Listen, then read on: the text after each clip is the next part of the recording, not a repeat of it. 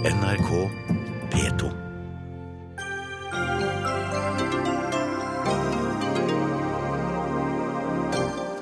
Hellas har godkjent avtalen med EU. Dermed er eurogruppen klar for forhandlinger om en ny lånepakke til landet.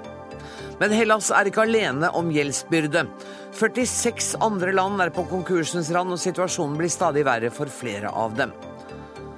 Norske fengsler har aldri vært fullere. Vi har en justisminister uten handlekraft, sier Arbeiderpartiet.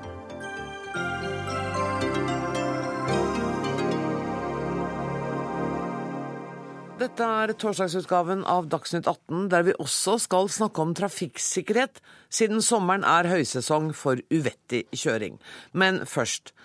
Den greske nasjonalforsamlingen gikk i natt med på kravene fra landene i eurosonen. Dette åpner for nye kriselån til landet. De neste dagene skal nasjonalforsamlingene i eurolandene ta stilling til den nye avtalen med Hellas. Og Roger Bjørnstad, du er sjeføkonom i Samfunnsøkonomisk analyse. Det er vel ikke noen tvil om at de andre eurolandene går med på avtalen nå som Hellas har sagt ja? Nei, Det tror jeg vil være ganske oppsiktsvekkende. Og den som sitter så mye kjepper i hjulene, vil nok sitte igjen med en uh, veldig svarteper uh, i det spillet som foregår. Vi skal ha med oss Jan Espen Kruse, utenriksmedarbeider her i NRK, som er i Aten. Men Jan Espen, problemene er vel ikke over, selv om alle parter nå sier ja til en avtale? Nei, det er jo ikke det. Altså, dette, disse eh, Bankene for eksempel, her i Hellas de er jo fortsatt bankerott, men nå kommer det jo akkurat i ettermiddag nye signaler om at de kommer til å få eh, kriselån fra EU. sånn at Det er jo en, en, veldig god trøst. i hvert fall Det er snakk om, det går rykter i hvert fall om at bankene skal åpne igjen på mandag. Eh, for eh, vanlige grekere så vil jo det bety veldig, veldig mye. Så eh, det er i hvert fall, eh, Samtidig som de da gruer seg til alle disse økonomiske reformene, innstrammingstiltakene, som nå kommer haglende nedover dem, så, eh, så de, altså, ser de fram til at bankene forhåpentligvis da åpner om kort tid. Um, Bjørnstad, du skriver i Dagens Næringsliv i dag at den, europe den europeiske sentralbanken, Det internasjonale pengefondet og EU-kommisjonen må påta seg et stort ansvar for at Hellas er så hardt ute å kjøre. Ja, det er jo euroens eh, skyld, mye av dette. Du vet at når Hellas eh, ble medlem av eurosamarbeidet i 2001, så gikk de fra å ha 25% rentenivå til å få tysk rentenivå på 5% og det greske rentenivået og det tyske rentenivået var eh, helt identisk i ti år. Eh, og det var det fordi alle trodde at eurosamarbeidet ja, det var en solidarisk valutaunion hvor alle parter sto brask og bram med hverandre. Eh, men der blei jo grekerne lurt, og, de internasjonale kapitalmarkedene også. Eh, det er klart at Når et folk som eh, er vant til høyt rentenivå får så lave renter i så lang tid, så bygger det seg opp et enormt gjeldsnivå. og Det var ikke den, greske staten som, som fikk dette gjeldsproblemet, det var de, de greske husholdningene. Men når da finanskrisen slo inn, og bankene gikk over ende og arbeidsledigheten steg til 25% så måtte da den greske staten overta dette, denne gjelden. Så Hellas er lurt? Altså, Hellas eh, er et eh, fattigere land enn eh, Tyskland. Og når det går inn i en union sammen med Tyskland, så må de forholde seg til en sterk euro mm. og et lavt rentenivå. Det hadde ikke de forutsetninger for. Og jeg tror ethvert annet folk ville opptrådt på akkurat samme vis som det grekerne gjorde, når de får så lave renter. Se f.eks. på Norge i dag, hvor vi har levd med lave renter og et rekordhøyt gjeldsnivå. Mm.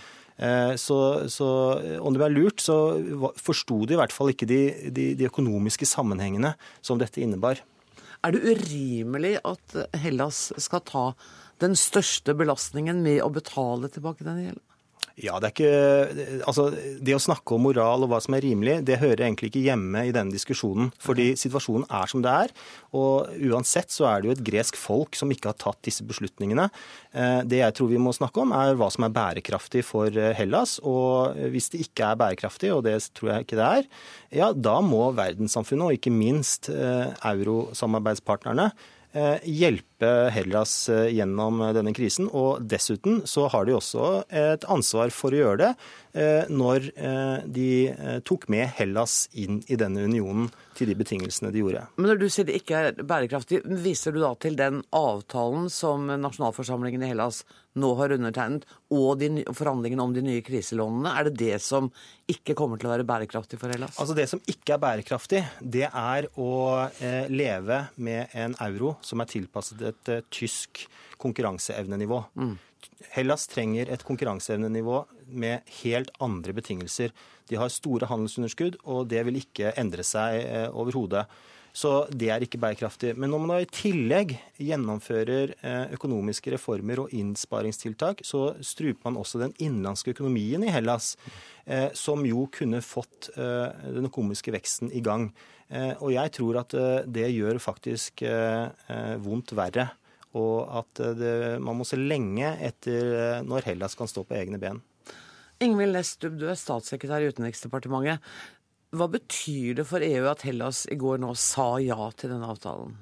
Altså, det tror jeg er veldig viktig. Og vi er veldig glad for at det nå er blitt en enighet mellom eh, kreditoren og Hellas. Vi er veldig glad for at det greske parlamentet godkjente den, og vi håper nå at det skal gå greit å få den godkjent også i andre parlamenter. Og jeg tror Roger har rett i at det vil nok skje. Det Hellas trenger mest av alt nå, er jo politisk og økonomisk stabilitet i en periode. Særlig de siste seks månedene har jo vært preget av en økonomisk usikkerhet som faktisk har forverret den økonomiske situasjonen betraktelig. Eh, og det er jo skadelig, særlig for Hellas. Og det gjør jo også at EUs eh, e institusjoner blir sittende med mye krisehåndtering, som vi har sett i det siste. Så det er jo også som Bjørnstad sier, at det er det greske folk, det er de vanlige folk, som nå sitter igjen med eh, regninga som de overhodet ikke har vært med på noen fest for. Altså, det som jo er viktig å ha med, er jo at da euroen ble, da man inngikk enige, da man ble enige om euroen, så var det også helt klart at det ville kreve betydelig økonomisk disiplin. Mm. Også pga. det som Roger helt riktig påpeker, nemlig at det var ulike økonomiske situasjoner i de ulike landene. Det kan man ikke si at Hellas har hatt. Det viste seg jo også at de hadde jukset ganske betraktelig med tallene for å komme inn i euroen. Sånn at gjeldssituasjonen deres og underskuddssituasjonen deres var betydelig verre enn det man visste om da Så de gikk inn i euroen. Så noe av det er selvforskyldt? Noe av det er selvforskyldt, og noe av det handler jo rett og slett om at landet har ført en, en politikk på enkelte områder som er veldig langt fra det mange andre europeiske land har når det gjelder eh, når det gjelder offentlig administrasjon. De har et justisvesen som ikke er reformert, slik som de aller fleste andre europeiske land har gjort.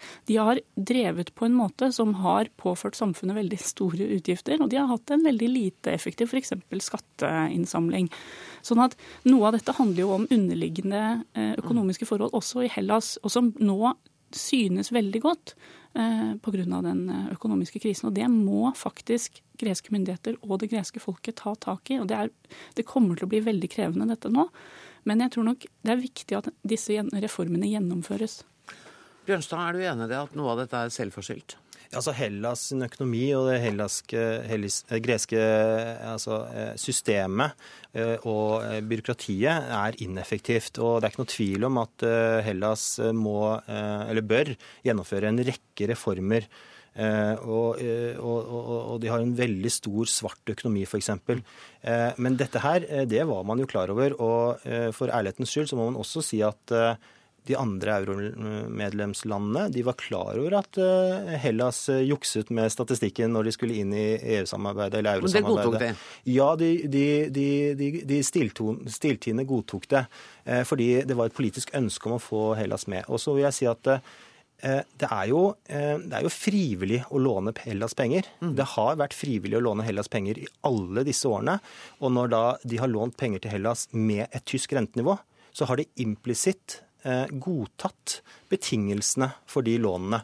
Og de har med åpne øyne gitt Hellas lån Eh, eh, under forutsetning om at de andre eurolandene støttet opp under eh, disse lånene. Mm. Så, så, så, det er, du er enig parter. med Øystein Stray Spetalen som satt i dette studioet og sa at hvis markedet skal fungere, så må det være de som lånte ut pengene, som nå sitter med regninga? Ja, jeg syns på mange måter det. Vi kan jo sammenligne det med hvordan eh, husholdninger går til banken sin i dag og spør om lån. Mm. Eh, da stiller jo banken krav, og de undersøker jo betalingsevnen og, og, og, og, sikkerheten for disse lånene. Og hvis du har dårlig betalingsevne, ja da krever de høyere rente, og de gir mindre i lån. Og det er rart at ikke andre land som skal låne eh, penger til Hellas, har gjort det samme. Og disse reformene de da Eh, skulle ha gjennomført. De måtte jo da ha stilt eh, betingelser til når lånet ble gitt. Mm. Um, Ingvild Nestub, det må jo ha vært sånn da at det har vært så viktig for EU å få Hellas inn i folden at man var villig til å se gjennom fingrene med enkelte ting? Altså, jeg tror nok det er riktig at det var en viss usikkerhet om hvorvidt tallene Hellas kom med var riktige. Det jeg tror var, kom som en genuin stor overraskelse, var nøyaktig hvor ille det sto til. Det er ikke tilfeldig at en av reformene Hellas nå pålegges, det er å lovfeste uavhengigheten til det statistiske sentralbyrået. Det eh, skyldes at veldig lite offentlig statistikk fra Hellas de siste årene har vært troverdig eller pålitelig. Sånn at dette handler om en ganske gjennomgripende samfunnsreform som blir krevende, men som faktisk er viktig ikke bare i en økonomisk krise, men også for å ha en bæredyktig økonomi på sikt. Og dette er jo reformer som hele resten av EU har gått gjennom, og som alle de nye medlemslandene som kom inn i 2004, var nødt til å gå gjennom. Det er jo noe av bakteppet for at tålmodigheten blant enkelte av medlemslandene med Hellas er ganske liten. De har gjort en ganske tøff jobb selv med å reformere sin administrasjon og sin økonomi, som de føler at Hellas kanskje ikke har tatt like alvorlig. Eh, jeg har lyst til å snakke med Jan Espen Kruse igjen. Jan Espen, Jeg vet ikke om du hører alt som blir sagt i studio, men jeg håper du gjør det. Um, for jeg tenker at altså, Det har vært en utålmodighet, en økende utålmodighet med Hellas i EU. Er grekerne klar over det? Nei, det er de nok ikke altså Jo, de har jo fulgt med på nyhetsdekningen og sånn, men eh, de syns det er urettferdig, denne utålmodigheten. Eh, de eh, mener at altså Vanlige grekere som jeg snakker med, de sier at vi har jo ikke sløst rundt oss med penger. Vi, ingen, vi har tvert imot de siste fem årene levd med stadig nye innstramminger. Eh, så, det er ikke vår skyld, men det, er jo politikerne, sier de, da, som har eh, brukt penger eh, på, på gal måte. Så de er ikke så veldig villige til å ta skylda på seg for, det som, for et overforbruk her. Men du, og I ettermiddag kom det jo melding om at det trolig kommer til å bli skrevet ut nyvalg i løpet av et par-tre måneder. Det er vel heller ikke å helle olje på vannet, er det det? Nei, eh, men bakgrunnen er jo først og fremst dette eh, store opprøret i regjeringspartiet Syriza mot eh, statsministeren. Sånn at han sitter jo i forferdelig vanskelig situasjon med å skulle gjennomføre disse eh, økonomiske reformene, som han samtidig sier at dette har han overhodet ingen tro på, men han er bare nødt til å gjøre det fordi alternativet er mye verre. Så eh, Han kommer sannsynligvis enten til å bli nødt til å bytte ut store deler av regjeringen, eller eh, holde nyvalg til høsten. Eh, og så er spekulasjonene rundt det. Hva kommer Tsipras, Hvordan vil han komme ut av et nyvalg? Noen eh, mener at han faktisk vil komme bedre ut. Han vil eh, kanskje bli styrket i forhold til det han eh, er nå, og kunne kvitte seg med en del av eh, disse motstanderne innad i eget parti, som er virkelig med på, på å sabotere hans politikk. Tusen takk skal du ha, Jan Espen Kruse. Takk også til Roger Bjørnstad og til Ingvild Næss Stubb. Jannis Barbantonis, du er tidligere leder av den greske foreningen i Norge. Hva er din reaksjon på at nasjonalforsamlingen besluttet seg for å si ja til avtalen i går? Dette var jo eh, selvfølgelig ingen overraskelse. Ehm, dette har jo den greske nasjonalforsamlingen ventet på minst et halvt år. Jeg vil si fem år. Eh, min reaksjon på det er jo selvfølgelig positivt, fordi uh, i realiteten så hadde ikke Hellas og grekerne noe, noe andre alternativ enn uh, det de stemte ja for. Men det er jo mange som har sagt at de tviler på om det er praktisk mulig for Hellas å gjennomføre alle de kravene som blir stilt i avtalen. Hva tror du om det? Jeg tror også at det er veldig mange ikke veldig mange, men i sin helhet så er denne pakka rimelig urimelig. Så det er veldig mange urimelige krav, og vi må ikke glemme på at dette er ikke Man starter ikke fra scratch her. Man har vært gjennom eh, veldig smertefulle eh, kutt og krav som ble stilt de siste fem årene. Så eh, man ligger allerede på veldig negativ side, så det å kutte enda mer, liksom, det vil nok være en veldig smertefull og veldig vanskelig prosess. Mm. Og det kan jo også gjøre noe med oppslutningen eh, om statsminister eh, Tsipras. Du hørte Jan Espen Kruse her si at det er vanskelig selvfølgelig å spå om eh, han blir styrket eller svekket av det som nå skjer. Hva tror du? Dato så har han uh, uten tvil kommet veldig styrket ut av dette. Uh, han er en folkelig leder. Han appellerer til uh, folket ved å være Eh, utad i hvert fall ærlig. Eh, han eh, informerer og orienterer på en helt annen måte enn det de tidligere statsministrene og ledere i Hellas har gjort. Folk vet at det er ikke hans skyld, og det er ikke denne regjeringens skyld at Hellas har havnet i denne situasjonen man har havnet i dette uføret. og folk syns han gjør det beste han kan for å få landet ut av dette uføret man har kommet opp i.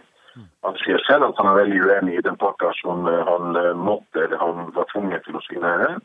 Han, uh, han gir inntrykk om at han gjør, det, han, han gjør, det, beste han kan. Mm. Det var en gallup i går, eller i som jeg leste i en uh, altså Det heter Kappa Research, en veldig anerkjent uh, gallup-institutt. og de der leste jeg at den mest passende statsministeren folk hadde stemt på Eh, gjennom denne gallupen med å gjøre 70 av eh, tilslutning, så var det Tsipras eh, som var den klart suverene vinneren av denne gallupen. Mm.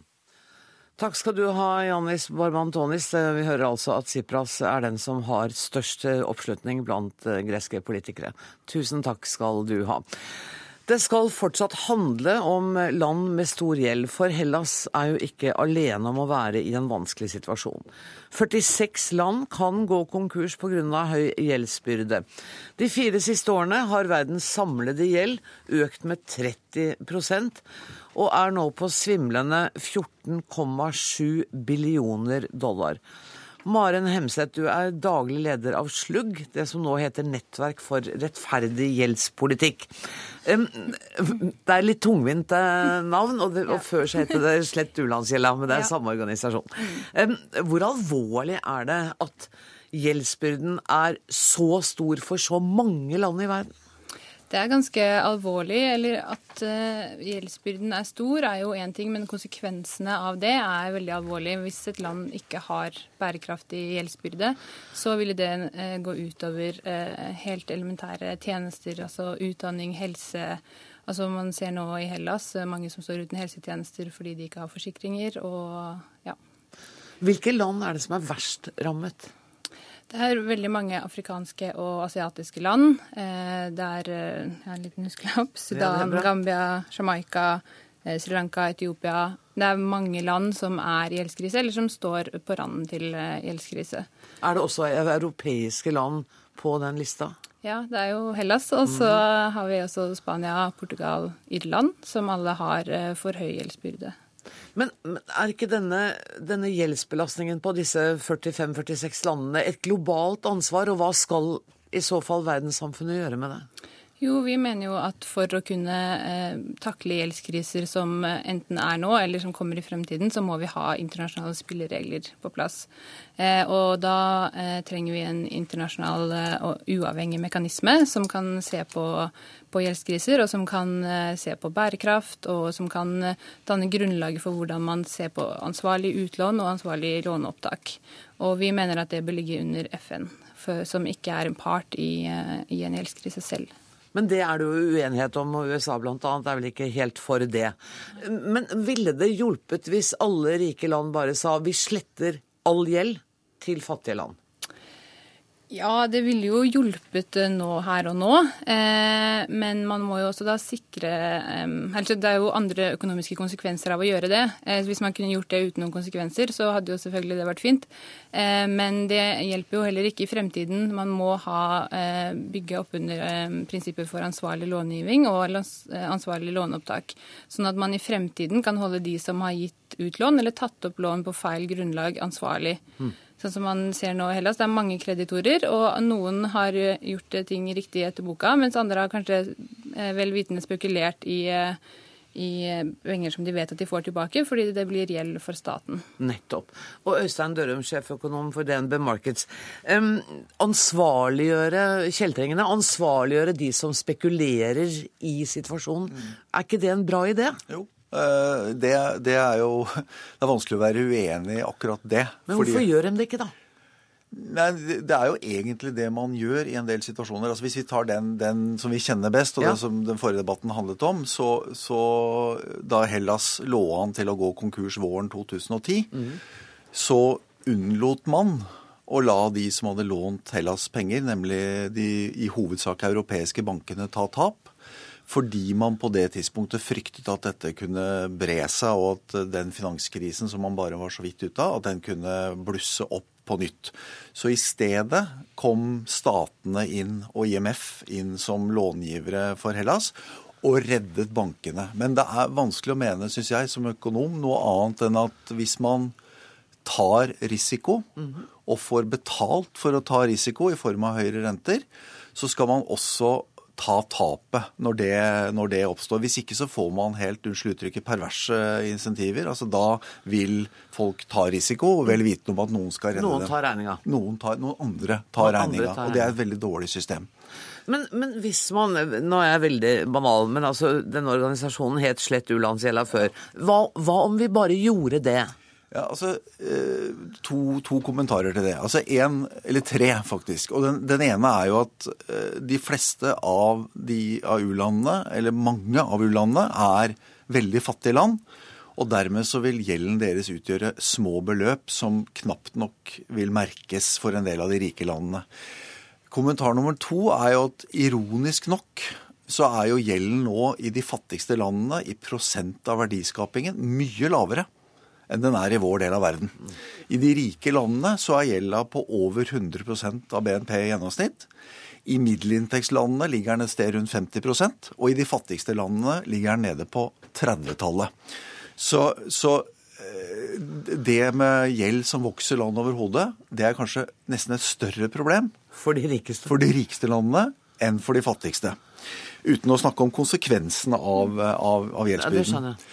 Og så er jo det, det, tredje poenget, er jo at, og det var kanskje det du begynte å nærme deg, er jo at eh, det å slette gjeld uten samtidig å stille vilkår om at landet skal innrettes på en sånn måte at det ikke opptar, påtar seg ny gjeld.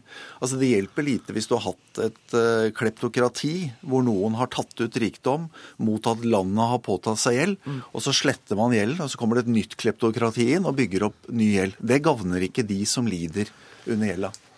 Men, men hva tenker du om dette forslaget om et, et uavhengig organ underlagt FN, eh, som skal ha kontroll med eh, utlånene? Altså, så, så vidt jeg skjønner, så diskuteres det jo å, å, å få til Altså få bedre systemer for uh, gjeldslette, rett og slett fordi at mange av disse prosessene tar lang tid. Bl.a. fordi man har det man kaller såkalte gribbefond, som kan gå inn og kjøpe gjeld som er underpriset fordi man tror den eh, landet vil gå konkurs, og derfor man ikke vil få tilbake alt. Men som holder fast ved den gjelden og sier at de likevel skal få fullt betalt for den gjelden. Det bidrar til å strekke ut prosessen. Det bidrar til at landet ikke får, som er noe av hensikten med en sånn prosess, ryddet bordet og kommet seg, kommet seg videre. Videre. Mhm. Sånn at, altså Organer og sånn har jeg ingen tanker om, men, men, men det å ha forutsigbare systemer for hvordan du skal håndtere en statskonkurs, det er smart. Og her er dere helt enige, tror jeg, på det punktet her. Men Maren Hemseth, jeg går ut fra at du er ikke så veldig bekymret for gjeldsnivået hos de aller rikeste landene. Men, men etter din mening, hvordan, hvordan skal man ordne det? For nok, foreløpig ser det ikke ut til at det blir noe eget FN-organ som skal ivareta sikkerheten for lånene fra disse u-landene, sånn som det ser ut nå. Ja, sånn som det ser ut nå, så er det ganske steile fronter mellom eh, altså G77-gruppen og vestlige land. Eh, og vi hadde jo da håpet at Norge kunne være et av de landene som hadde gått et skritt foran eh, resten av EU og USA og Norge har jo alltid hatt eh, veldig god politikk på internasjonal gjeld, eh, og alltid vært eh, progressive. Men så vi er ganske skuffa over at de nå stemte avholdende i eh, en, eh, en forhandling i FN i høst om nettopp dette, og at man nå i forhandlingene i Addis denne uka ikke har fått noe sterk tekst på gjeld. Men ikke sant, sånn at så Foreløpig så ligger det forslaget nede. Ser dere noen andre utveier for å hjelpe de fattigste landene ut av det som, selv om det prosentvis ikke er så høy, er en gjeldskrise? Ja, altså Det finnes jo eh, ikke et system, men det finnes måter å håndtere og restrukturere gjeld på i dag også, som ett og ett land kan få tilgang til, f.eks. gjennom Parisklubben hvor Norge sitter. Eh, men vi mener at det ikke er bærekraftig, fordi nå har man holdt på med dette her ganske lenge, og man ser at det stadig kommer nye gjeldskriser. Så da er det et eller annet med det systemet som ikke fungerer optimalt, og at man da trenger noe nytt. Og nå skal vi igjen i september snakke om dette i FN, og da er det en ny anledning. Eh, hvis Norge melder seg på i eh, forhandlingene om dette og tar en aktiv rolle, så er det fortsatt håp. Kanskje snakker vi på en helt annen måte etter det møtet i september. Ja. Tusen takk for at dere kom til Dagsnytt 18, Maren Hemseth og Øystein Dørum. Hør Dagsnytt 18 når du vil. Radio NRK NO.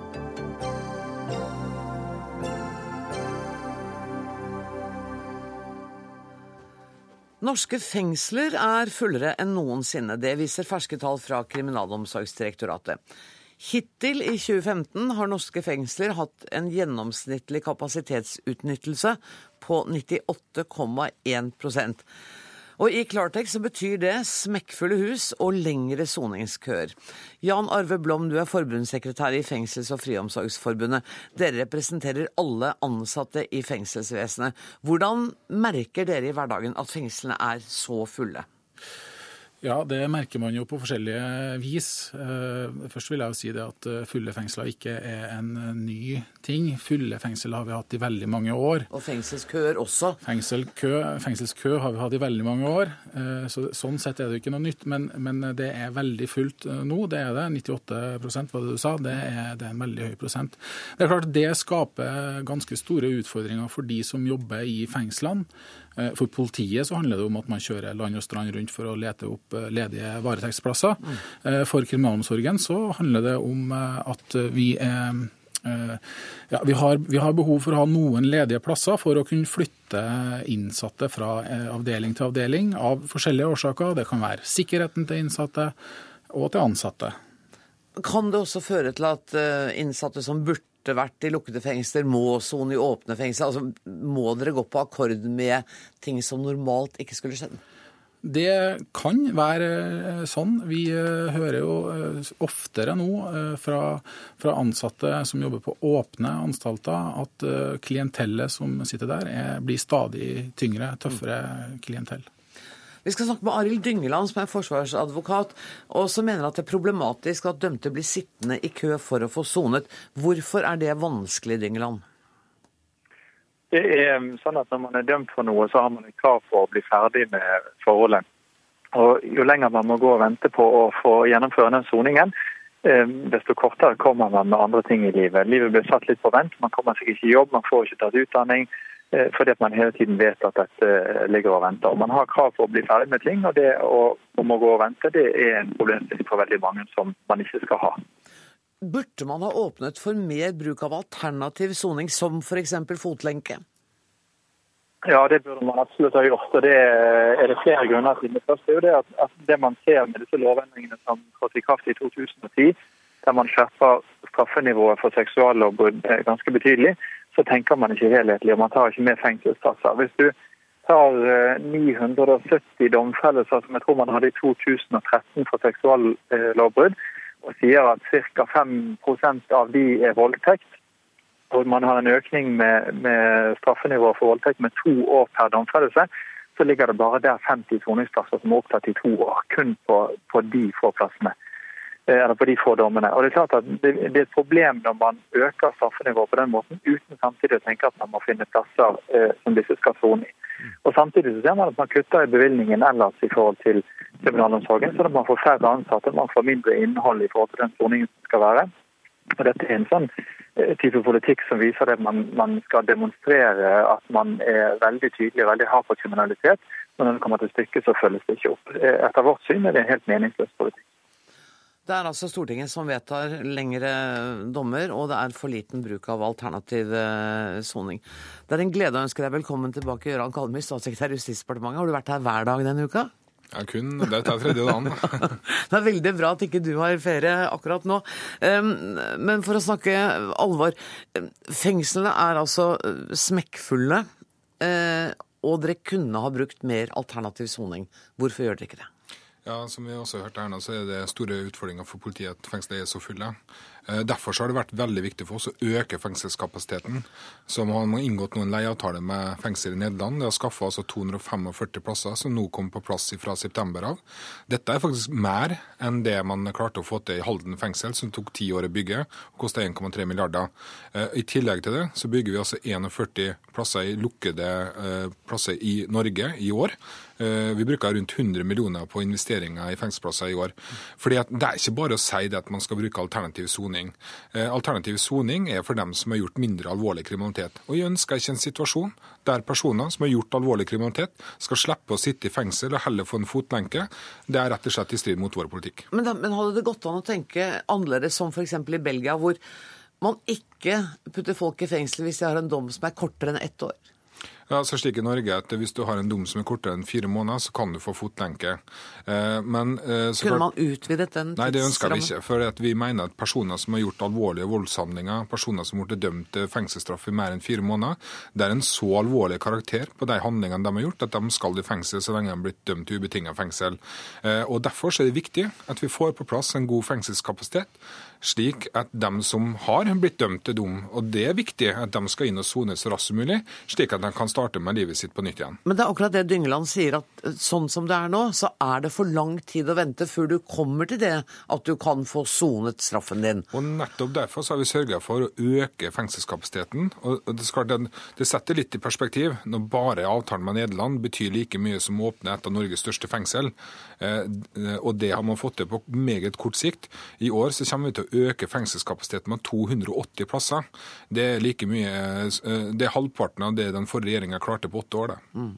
Og En av grunnene til at vi har plasser i Nederland, er jo at Nederland er bedre på rusomsorg av straffedømte, og at de bruker mer alternative soningsforhold, så de faktisk har noen tomme fengsler.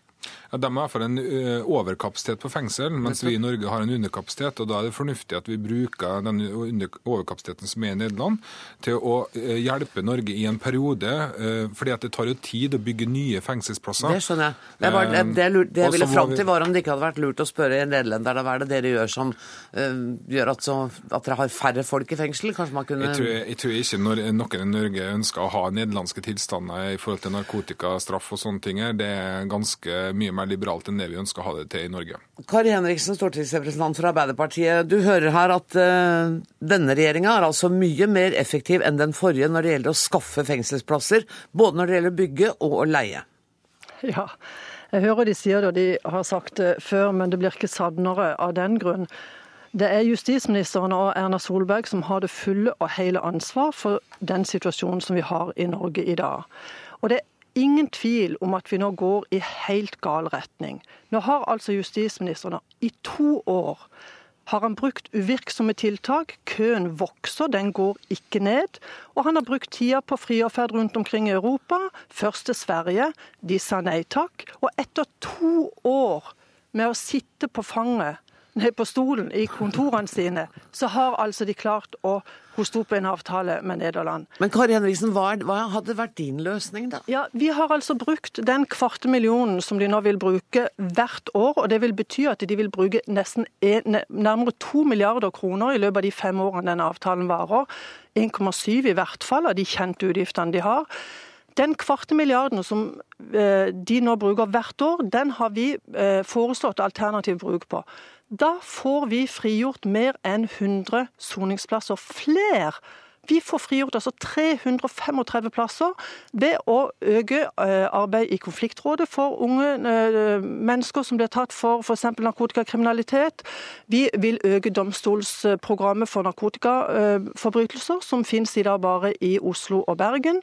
Eh, Vi har sagt at vi vil øke varetektssurrogati eh, for de som ikke trenger å sitte isolert i fengselsceller. Jeg tror ikke alle lytterne og seerne, i hvert fall ikke jeg, vet hva varetektssurrogati er for noe. nei, det er egentlig et litt teknisk begrep, så det skal jeg prøve å forklare. Men det betyr altså at hvis du blir tatt for en kriminell handling, og politiet for så vidt ikke har noe særlig behov for å fengsle deg, men kan ha behov for å ha kontroll på deg mens de etterforsker saken, så har vi foreslått at da kan vi bruke elektronisk kontroll, sånn som advokat Dyngeland også var inne på. I tillegg så ligger det et ubrukt potensial når det gjelder elektronisk kontroll, som ikke blir brukt av dagens regjering. Og bare ved å ta i bruk det, så har altså vi klart å løse nå må Dyngeland få lov å komme inn. Ja, takk. Dette er en debatt som, som følger veldig mye et gammelt spor eh, som man hele tiden ser. og Det er det at man holder fast på disse tradisjonelle utgangspunktene om at ubetinget fengsel er det eneste som, eh, som virker. Eh, det som vi vet i dag, eh, er at det er helt minimalt med forskning som viser hvor mye mer allmennprevensjon eller hvor mye mer individualprevensjon man får fordi om folk må sitte i fengsel sammenlignet med f.eks. elektronisk soning. Dette er sannheter som, som eh, man holder frem uten at det er noe som helst belegg for det. Men man stritter imot på alle mulige fronter i forhold til å øke f.eks. bruken av elektronisk eh, soning. Elektronisk soning er veldig mye mindre skadelig for den som må gjennomføre det, og det ivaretar alle de eh, hensynene som en straff ellers eh, vil måtte gjøre, fordi at man har kontroll på personen, og fordi at personen får veldig sterke begrensninger i forhold til, eh, til sin frihet. Men allikevel så oppleves dette, eller fremholdes dette nærmest som en, en belønning i forhold til den som må ha den typen soning. Og det er helt feil tenking. Det samme gjelder med samfunnsstraff. Det er en eh, veldig stor belastning å måtte gjennomføre det. Det har den samme eh, eh, preventive effekten i forhold til å hindre ny kriminalitet. Og, og I forhold til allmennprevensjon så tror jeg ikke det er målbart å se forskjell på, på om det ligger en straffetrussel i forhold til om det gjennomføre samfunnsstraff, eller om at det sitter i fengsel. Kalmyr. Jeg syns fortsatt ikke det at alvorlig kriminalitet skal belønnes med fotlenkesoning. Jeg mener at det er en belønning i forhold til å sitte i vanlig fengsel. Man altså kan være hjemme, man kan dra på jobben. Eh, Det eneste forskjellen er at du har noen restriksjoner i forhold til å bevege deg ut og inn av ditt eget hjem. Det passer for de lettere kriminalitetene og de mindre alvorlige kriminalitetene. Men jeg syns det er også viktig å ta inn perspektiv rettsfølelse her nå. Det skal være en rettsfølelse også for ofrene. Det skal være en rettsfølelse for ofrenes familie. Man skal altså ikke bli slått ned på gata og bli utsatt for grå kriminalitet. Og så vet man det at gjerningsmannen skal få lov til å sone med fotlenke istedenfor å gå i fengsel, sånn som ble idømt. Det er helt fint, Kalmyr. Men hva med merverdighetsovertredelser som man sender folk i fengsel for i forhold til unndragelse av det? Er det, en, Um, er det ett eh, område der bruke en- virkelig allmennpreventive eller? Er det ett område som virkelig allmennpreventive eh, som har virkninger for, for det allmennpreventive hensynet, så er det jo virkelig på økonomisk kriminalitet. Er det noe som meg, gjør at vis folk meg hvor du måler at den allmennprevensjonen er bedre hvis du har folk i fengsel enn hvis de har eh, en bøtestraff, eller hvis de har, hvis de har elektronisk soning. da. Kan Vis meg én eneste kilde som du kan, kan vise at det er en forskjell på det. Det er i hvert fall helt sikkert det at det å ha den fengselstrusselen overfor økonomisk kriminalitet, det har en stor allmennpreventiv virkning. Og Det er nettopp derfor man også har en relativt høy, eh, høye fengselsutmålinger for økonomisk kriminalitet, eh, sett opp mot eh, f.eks. alvorlighetsgraden og antall ofre og alt sånt der nå. Jan Arve Blom har bedt om ordet for lenge, Jan Arve Blom har bedt om ordet for lenge siden, og han skal jammen få det også. For. Som eh, fengselsbetjent så oppfører jeg meg og venter til jeg får lov Du til å gjør det, du er veldig høflig. Ja. Nei, øh, soningskø det er, handler rett og slett om politisk vilje, eller uvilje om man vil. Eh, av de 1100 pluss eh, som står i soningskø i Norge i dag, så er det ikke noe tvil om at det er veldig mange av de som eh, ikke trenger å inn og sone på en lukka anstalt. Det er andre måter man kan få ned den soningskøa på, annet elektronisk kontroll. 1,5 million kroner til Oslo friomsorgskontor, så er alle de som eh, er i kø i forhold til elektronisk kontroll, borte. Da, da er de borte av køen. Jeg hadde tenkt å ta inn Kari Henriksen, Ja. Kari Henriksen først. Ja. Nei, jeg har bare lyst til å si at Det er jo noe av det som eh, de tiltakene som vi har foreslått, bl.a. det som jeg nevnte i stad, og også øke bruken av varetektssoning og starte bygging av nytt fengsel nå. Mm. Det har de nå hatt to år på seg. For det Stoltenberg-regjeringa kom med stortingsmelding 37 i 2008. Den pekte nettopp på alle de utfordringene som uh, Dyngland uh, sier, og vi begynte å bygge opp en kriminalomsorg bygd på humane prinsipper, som fikk soningskøene ned, som gjorde rehabiliteringa mye bedre, og vi var på godt spor. Nå Vet ser vi er faktisk Soningskøen økte eh, under Vi- deres regjeringstid. Det var Den da de ble begynte å øke. halvert. Den var nesten Nei, det er 3000 bare når vi overtok. Vet du hva? Den var nesten 3000 når vi overtok, og den var altså 1100 når vi gikk fra bordet. Og nå øker han. Jeg er ikke veldig overrasket over at dere ikke ble enige i dag heller, men jeg syns det var veldig gøy å ha dere til å diskutere dette her. Tusen takk skal dere ha, Jan Arve Blom, Ari- Arild Dyngeland, Gøran Kalmyr og Kari Henriksen. Og vi skal fortsette å snakke om Forresten, Kalmyr, hvis du har lyst, så vil jeg gjerne at du skal være her, for vi skal snakke litt om eh, fengselsforholdene i USA, nemlig. Fordi eh, denne uka her så har eh, Obama satte i gang en eh, kampanje for å få til en fengselsreform. Og USA har jo sjelden vært noe forbilde for Norge når det gjelder kriminalomsorg. Et land som har 5% av verdens innbyggere, men 25% av verdens fanger.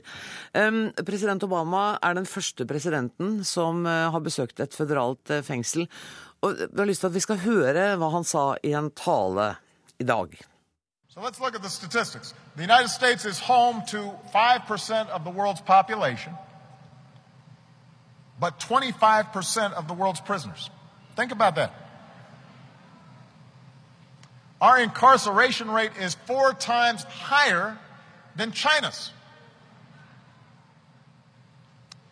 We keep more people behind bars than the top 35 European countries combined.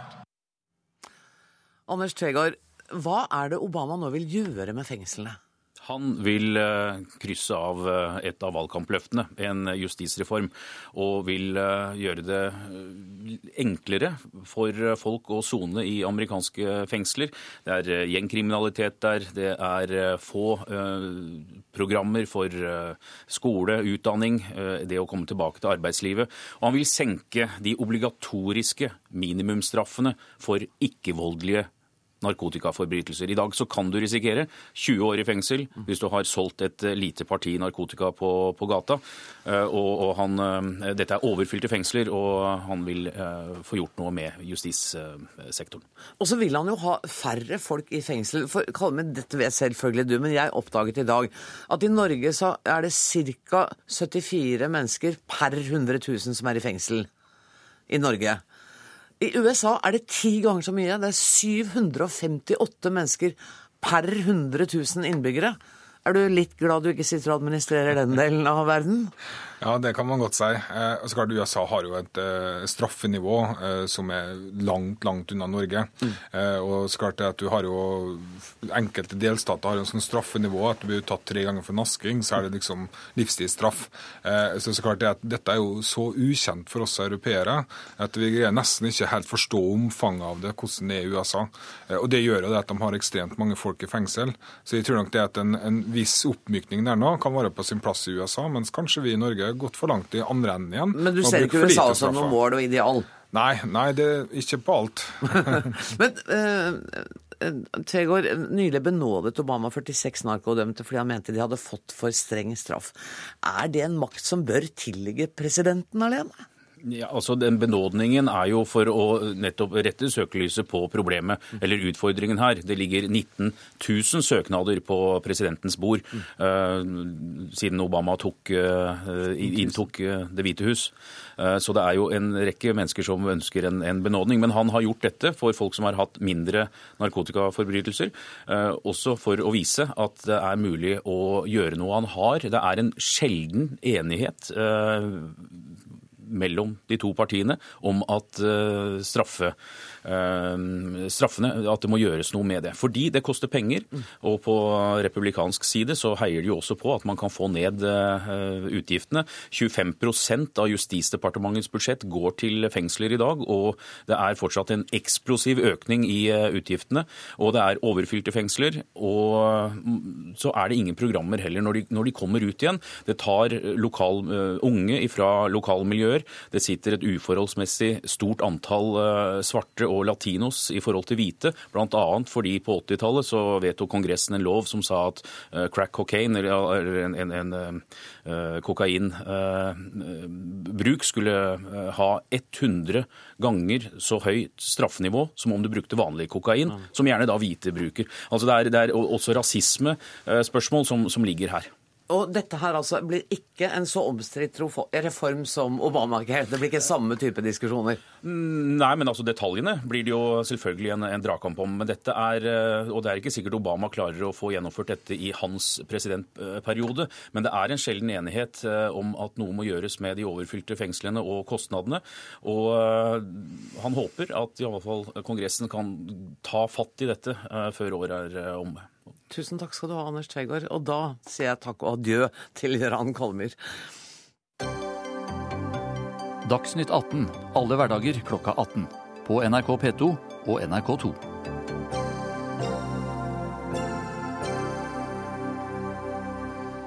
16-åringene bør få stemmerett, mener Venstre og møter motstand fra Høyre. På tross av dette har regjeringspartiet gått med på en prøveordning der 20 kommuner lar 16- og 17-åringer avlegge sin stemme under høstens kommunevalg.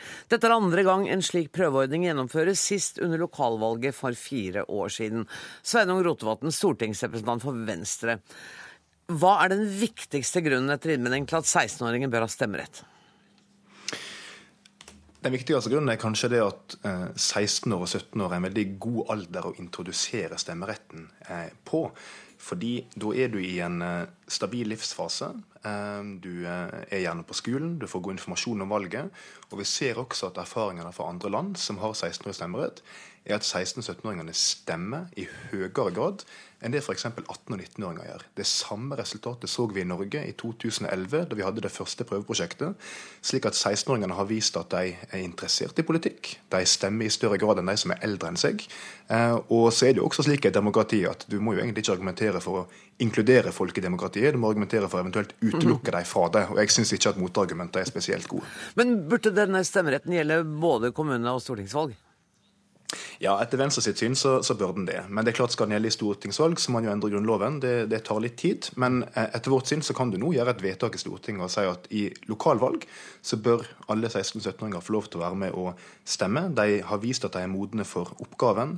Eh, erfaringene fra andre land viser at dette her går veldig bra. Og erfaringene fra Norge viser at det er absolutt ingenting å være redd for å gjøre demokratiet vårt litt større. Men burde man også senke grensen for når man kan stille til valg? Den er jo i dag 18 år.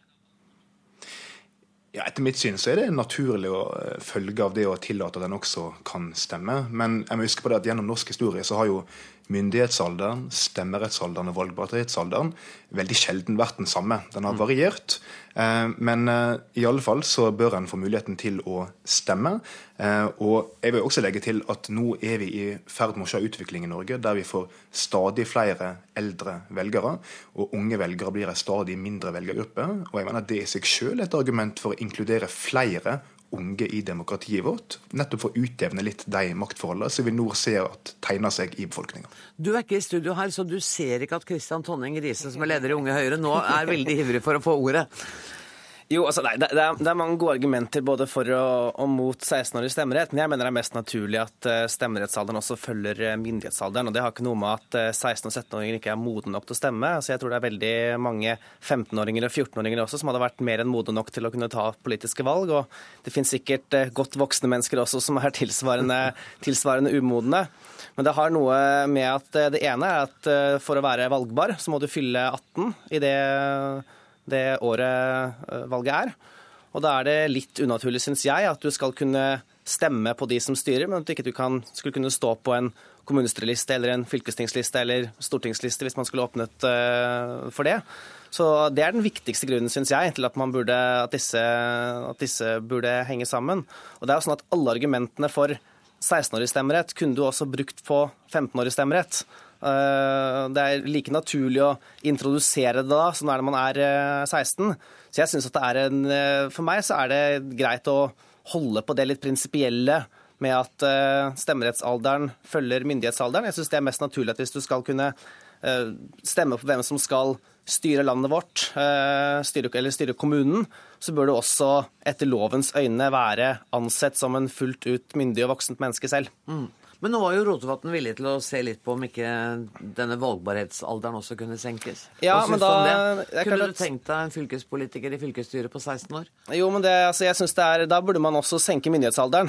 Hvis man mener at man skal kunne velges til eh, kommunestyret og bestemme regler eh, som innbyggerne i kommunen må rette seg etter, så syns jeg det ville vært unaturlig hvis man ikke da var myndig selv og ble ansett som, eh, som fullt ut voksen. Og jeg vet ikke om jeg tror det er lurt å Eh, å senke myndighetsalderen til, eh, til, eh, til 16. Og Da syns jeg heller ikke det er naturlig at man er verken valgbar eller har stemmerett på det tidspunktet. Rotevatn. Da, eh, hovedargumentet til Høyre er om at myndighetsalderen henger sammen med stemmerettsalderen. Det er ikke et prinsipp, det er, det er formalisme. I største delen av norsk politisk historie de siste 200 åra har de to ikke hengt sammen. Og Eh, myndighetsalderen har vært eh, nettopp høyere enn stemmerettsalderen. Det er et ganske nytt fenomen at det er det samme. Dessuten så er det 30 000 umyndiggjorte mennesker i Norge, altså over 18 år, som har stemmerett, men som er blitt umyndiggjort. Jeg har ikke registrert at Høyre eller Unge Høyre har foreslått at de skal miste stemmeretten sin. Dessuten så kan jo 17-åringer møte i kommunestyret og i, seg i Stortinget i dag, så lenge de fyller 18 i løpet av året. Og 16-åringer kan sitte i kommunale utvalg. Det som er vesentlig for meg og for Venstre, er å se hva tillit er det vi i dag gir 16-åringer? Jo, dette er da eh, borgere i Norge som er ferdig med all obligatorisk utdanning som vi pålegger dem. De kan bevege seg i trafikken, de betaler skatt, de kan jobbe, de kan stifte familie. Det er veldig mye vi sier at 16-åringer er modne nok til, og 17-åringer. Jeg syns det er veldig vanskelig å si at de ikke er modne nok til å være med å delta i demokratiet vårt. Nå nettopp i forrige uke så avla den første 16-åringen eh, si forhåndsstemme her i min kommune, i Eid. Det syns jeg er bra at han fikk muligheten til å gjøre. Det er bra at vi har et prøveprosjekt, men nå er det på tide å si at 16- og 17-åringene får være med i demokratiet vårt på permanent basis. Det er jo sånn at det er en glidende overgang helt fra ganske ung alder, hvor man får flere rettigheter og plikter i samfunnet. Men jeg syns det er jo knapt noe større ansvar man kan ha enn å skulle bestemme hvem det er som skal eh, styre i, eh, i kommunen, styre i fylket eller styre uh, i Stortinget og, og, i landet. Og jeg syns det er naturlig at hvis man skal kunne sitte og bestemme lover og regler, alt fra hvor mye skatt innbyggerne i kommunen skal få lov til å ta opp, hvilke andre regler de skal rettes etter, så bør man også anses som et voksent, myndig, myndig menneske selv. Jeg tror at vi rett og slett må avtale at vi møtes igjen her når vi har erfaringene fra kommunevalget, og så ser vi hvordan det går, og så kan vi ta en ny runde det. Skal vi det, dere? Det kan vi godt gjøre. er det greit for deg også, Rodvatn? Det er helt greit. Forrige prosjekt gikk kjempebra. Det kommer også dette til å gjøre, og nå bør vi gjøre det permanent. Tusen takk skal dere ha, Kristian Tonning Riise og Sveinung Rotevatn.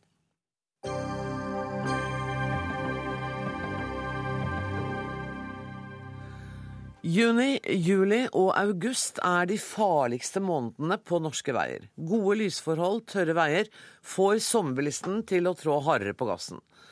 365 mennesker er drept, nær 4000 er hardt skadd i sommertrafikken de siste fem årene. Og det er også i sommermånedene flest bilister mister førerkortet. Det viser tall fra Utrykningspolitiet. Guro Ranes, direktør for trafikksikkerhet i Vegvesenet. Hva er det som skjer på norske veier om sommeren? Har du noen forklaring på dette? Det er kanskje så enkelt som at eh, når forholdene er fine, lyst og godt vær, tørre, fine veier, så slipper vi garden litt. Det, ikke, det ser veldig enkelt ut. Eh, og så kjører vi fortere. Og vi kjører ganske mye fortere. Ja, det er vesentlig forskjell på sommer og vinter. Du kan kanskje tenke med seg sjøl at når det er vinter og du ser det er mørkt, det er kanskje regn, snø og is på veien, så setter du ned farten naturlig fordi du ser dette her kan være farlig. De mekanismene slår jo ikke inn om sommeren. Og så er det noen veistrekninger som er farligere enn andre. Jeg leste at Europavei 39 i Hordaland er en av de verste. Hva er grunnen til det?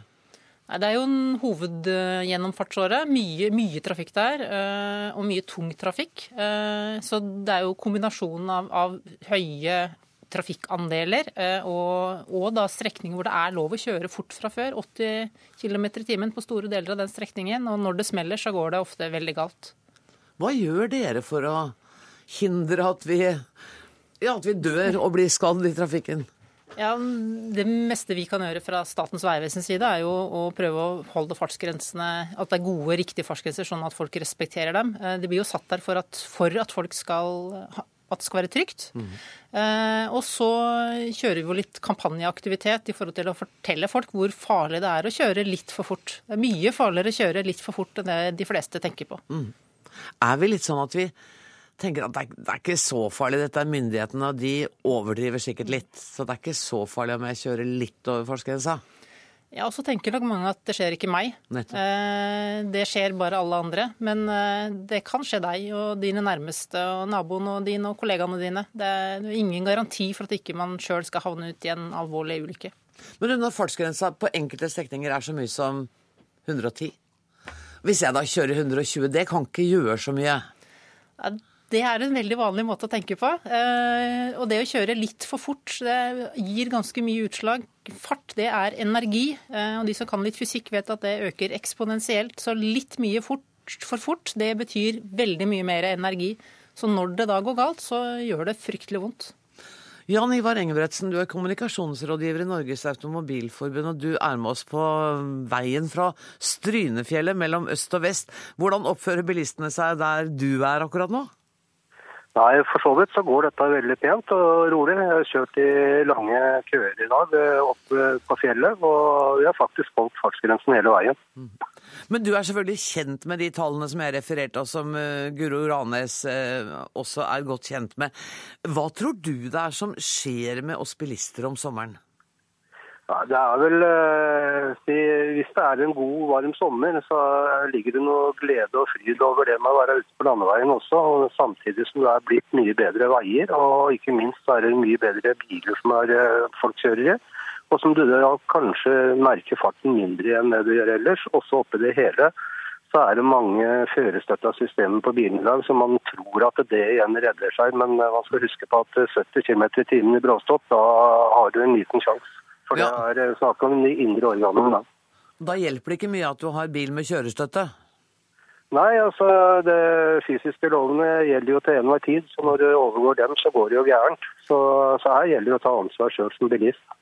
Um, nå er jo også veiene fulle av campingvogner, bobiler, turister og noen ganger sauer og kyr.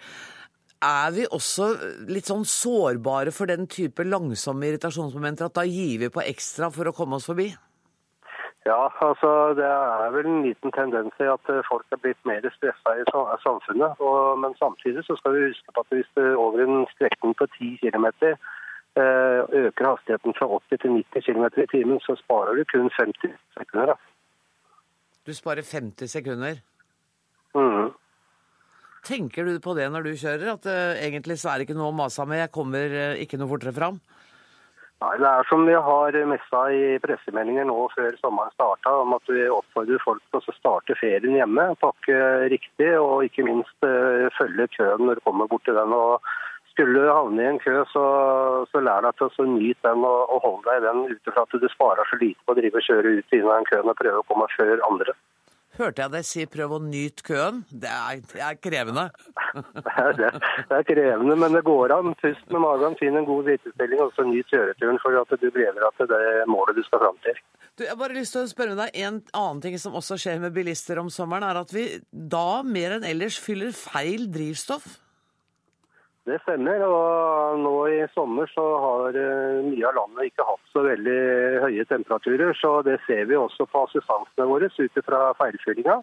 Men eh, juni, juli og august det er høymåned når det gjelder feilfylling av bensin på dieselbiler. Så det er høyst normalt. og det vil si at eh, Jo mer varme som koker hodet på folk, jo mer feil gjør de.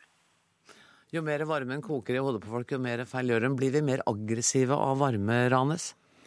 Vi blir kanskje mer ukonsentrerte, i hvert fall. eh, Og lettere for å bli stressa. Eh, Det eh, det er en av grunnene sikkert til at mange kjører fortere om sommeren enn de gjør ellers.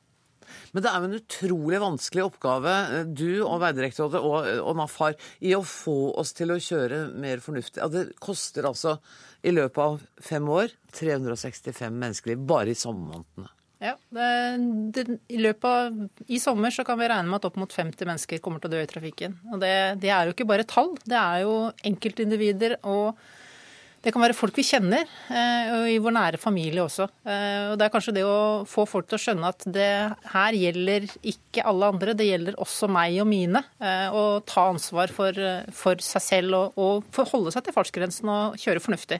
Du vet Det var en veldig bra avslutning på denne Dagsnytt 18-sendinga. Tusen takk til Guro Ranes og Jan Ivar Engebretsen. Jeg rekker akkurat å få fortalt dere at det var Ingebjørg Sæbø som var ansvarlig for sendinga i dag. Det tekniske ansvaret har Lisbeth Sellreite. Jeg heter Anne Grosvold. Ha en riktig god kveld, alle sammen.